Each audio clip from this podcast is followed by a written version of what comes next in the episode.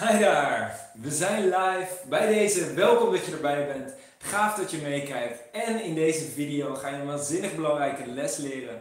Namelijk, als je een presentatie geeft, hoe zorg je er dan voor dat mensen daadwerkelijk naar je luisteren?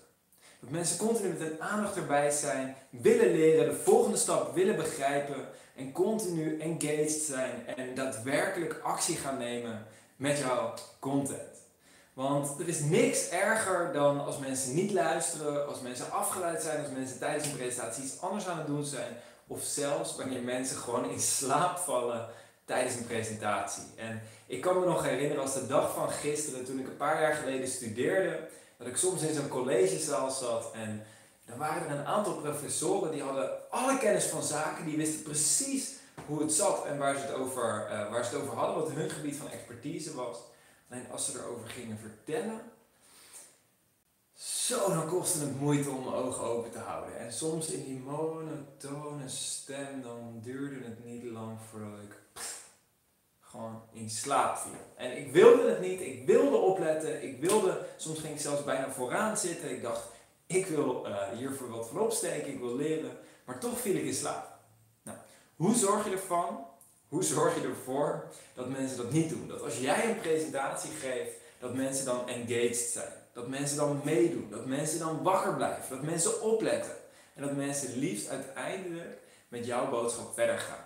Want als jij op dit moment een boodschap hebt, iets wat jij echt belangrijk vindt, dat mensen meekrijgen, dan is er niks meer zonde dan dat je mensen niet kan bereiken. Aandacht is op dit moment het meest schaarse wat je als ondernemer of spreker of coach kan hebben. Want je wilt jouw boodschap naar buiten brengen. Je wilt zoveel mogelijk mensen kennis laten maken met datgene wat voor jou werkelijk belangrijk is. En het grootste obstakel daarvoor is aandacht. Het grootste obstakel daarvoor is dat mensen je niet kennen. Dat mensen geen idee hebben wie je bent, wat jij daadwerkelijk te bieden hebt. Dus om die aandacht te grijpen, om ervoor te zorgen dat mensen daadwerkelijk naar je luisteren, heb ik bij deze vier tips voor je. En de eerste tip die ik voor je heb is verkoop jouw boodschap. Bij deze, ik ga even kijken of het lukt om mee te schrijven. Verkoop.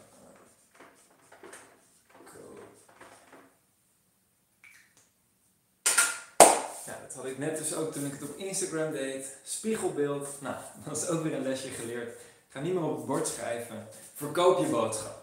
Ja, dus wat er vaak is, hè, mensen hebben vaak een beetje een negatieve associatie met verkopen. Verkopen is niet ethisch, of wat, voor overtuigingen mensen er ook over hebben vaak. Hè, zonder überhaupt mensen om geld te vragen, wil je toch je boodschap verkopen. Want namelijk om die aandacht te grijpen, om ervoor te zorgen dat mensen überhaupt iets gaan doen met jouw boodschap, zal je toch eerst duidelijk moeten maken waarom het zo belangrijk is om naar je te luisteren waarom het zo belangrijk is om daar iets mee te doen en wat het allemaal kan opleveren. En als je wel eens een training van mij hebt gevolgd, dan weet je dat bij praktisch iedere training die ik geef, voordat ik een onderwerp uitleg, vertel ik eerst een aantal verhalen over wat het voor mij in mijn leven heeft opgeleverd. Of hoe ik een cliënt ooit heb geholpen om zijn of haar leven te transformeren middels dit principe of deze techniek. En hetzelfde doe ik vaak in dit soort video's. in het begin, je hebt het me letterlijk horen doen, is in het begin vertel ik een verhaal over hoe het voor mij vroeger was om te luisteren naar iemand die er totaal niet voor zorgde dat ik oplette. Waardoor je duidelijk voor jezelf weet van, oh ja, dit is het scenario. Dus dat wil jij ook doen. als jij, uh, laten we zeggen, als je een afvalcoach bent of als je mensen wil helpen met sporten, wil je eerst duidelijk maken waarom dit zo belangrijk is. Als je uh, mensen wil meegeven om meer of minder koolhydraten of wat voor uh, overtuiging je ook hebt over gezondheid. Hè, dat je aangeeft van nou, vroeger uh, struggelde ik, liep ik hier jarenlang tegenaan, maar doordat ik deze en deze inzichten kreeg, pas ik het nu op deze manier toe en heb ik plotseling veel meer resultaat. Of toen ik hier iemand anders mee hielp, toen ging het plotseling een stuk beter. En uiteraard wil je hier altijd ethisch bij zijn. Hè? Je wil altijd 100% de waarheid vertellen maar je hoeft niet heel over de top verhalen te hebben. Ieder verhaal wat relateerbaar is, waardoor mensen denken: wauw, dat wil ik ook leren, dat kun je vertellen. Nou, het tweede principe sluit hier heel erg op aan. Het tweede principe is namelijk: maak jouw boodschap relateerbaar.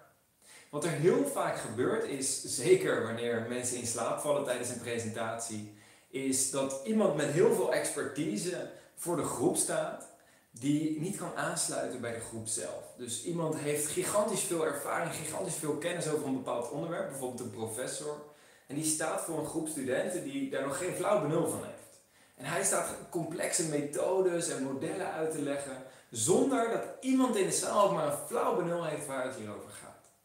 Nou, de kracht en de kunst wat je op dat moment kunt doen, is je kunt het relateerbaar maken. En wat Tony Robbins altijd zegt is, weten en leren is niks meer dan het koppelen van kennis die je nu al hebt aan iets nieuws, aan nieuwe informatie. want in je brein worden continu verbindingen gemaakt tussen uh, paden die er al zijn, hè, informatie dat er al is, en als er iets nieuws uitgelegd wordt. Ik zou je bijvoorbeeld kunnen vertellen over metaprogramma's in NLP, door te vertellen, weet je, iedereen heeft andere interesses, iedereen heeft andere hobby's.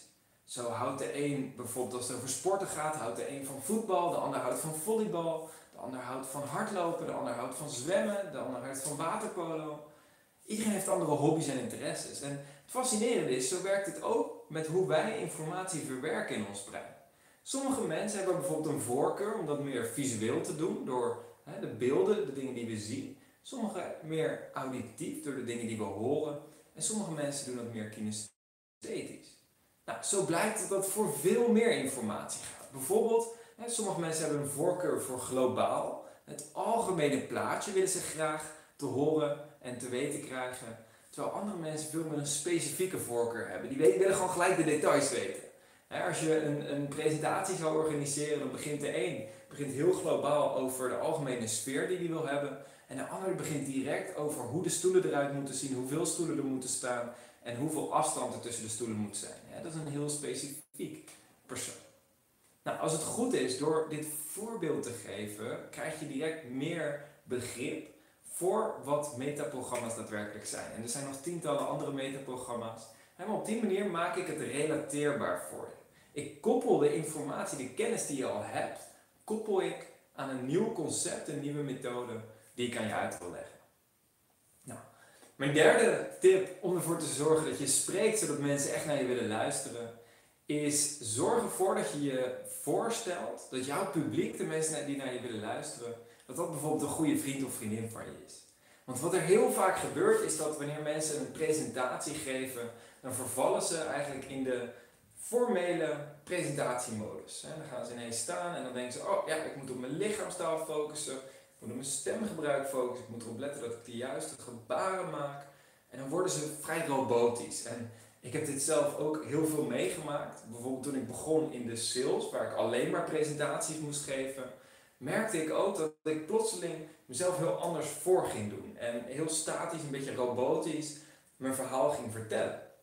En mensen konden er totaal niet aan relateren. En wat voor mij echt het verschil heeft gemaakt, was toen ik in het verkoop me plotseling ging voorstellen dat mijn klanten mijn beste vrienden en vriendinnen waren. En ging spreken met ze alsof ze mijn beste vrienden en vriendinnen waren. Nou, hetzelfde doe ik nu altijd als ik presentaties geef. Of het nou zo voor een camera is, of als ik bijvoorbeeld voor een groep spreek. En wat hierbij heel erg kan helpen is op het moment dat je jouw ideale doelgroep, de mensen die jij het liefst in je publiek zou willen hebben, dat je daar een duidelijk beeld van hebt. Liefst dat je er een foto van hebt, dat je weet wat zijn zijn of haar interesses, wat zijn zijn of haar hobby's, wat zijn zijn of haar verlangens, wat zijn zijn of haar obstakels. Zodat je kan voorstellen dat je spreekt met iemand die je daadwerkelijk al kent. En het grote voordeel, de gouden bonus hierbij, is dat je die mensen daardoor ook veel makkelijker aantrekt in je leven en in jouw bedrijf door simpelweg met die mensen te spreken. En uiteraard als je een presentatie geeft voor een live publiek, dan kan je een heleboel dingen doen om daadwerkelijk een klik te maken met je publiek. Om daadwerkelijk die verbinding op te zoeken en met mensen op één lijn te komen, om vragen te stellen en dergelijke. Mijn vierde tip voor je is interactie. Je wilt interactie opbouwen zodat mensen bezig blijven. Als ik bijvoorbeeld een NLP Practitioner opleiding geef, dan is dat 15 dagen, vaak dan opgesplitst of in weekenden of in 8 en daarna 7 dagen achter elkaar. Bizar. En het grappige is, dat zijn 8 of 7 dagen, vaak van 10 uur s ochtends, soms tot 8 of 9 uur s avonds. Mensen denken van tevoren, soms komen er mensen in de opleiding die wat fysieke klachten hebben, die denken van tevoren, dat ga ik nooit volhouden. Ik kan nooit al die tijd engaged blijven, al die tijd op blijven letten, al die tijd informatie blijven opnemen. Weet je, aan het einde geven ze altijd aan, het was makkelijker dan ik ooit had verwacht. Namelijk, wij zorgen voor heel veel interactie. We zorgen er continu voor dat mensen bewegen, dat mensen springen, dat mensen reageren, dat mensen vragen beantwoorden, dat mensen oefeningen doen, dat mensen met elkaar aan het oefenen zijn. Zodat er continu interactie is en continu mensen in beweging blijven. En natuurlijk, hè, als je uh, ziet hoe ik het doe, ik heb al behoorlijk wat presentaties gegeven. Vaak als een beginnende spreker uh, is het vaak al heel wat om gewoon überhaupt interactie op te zoeken.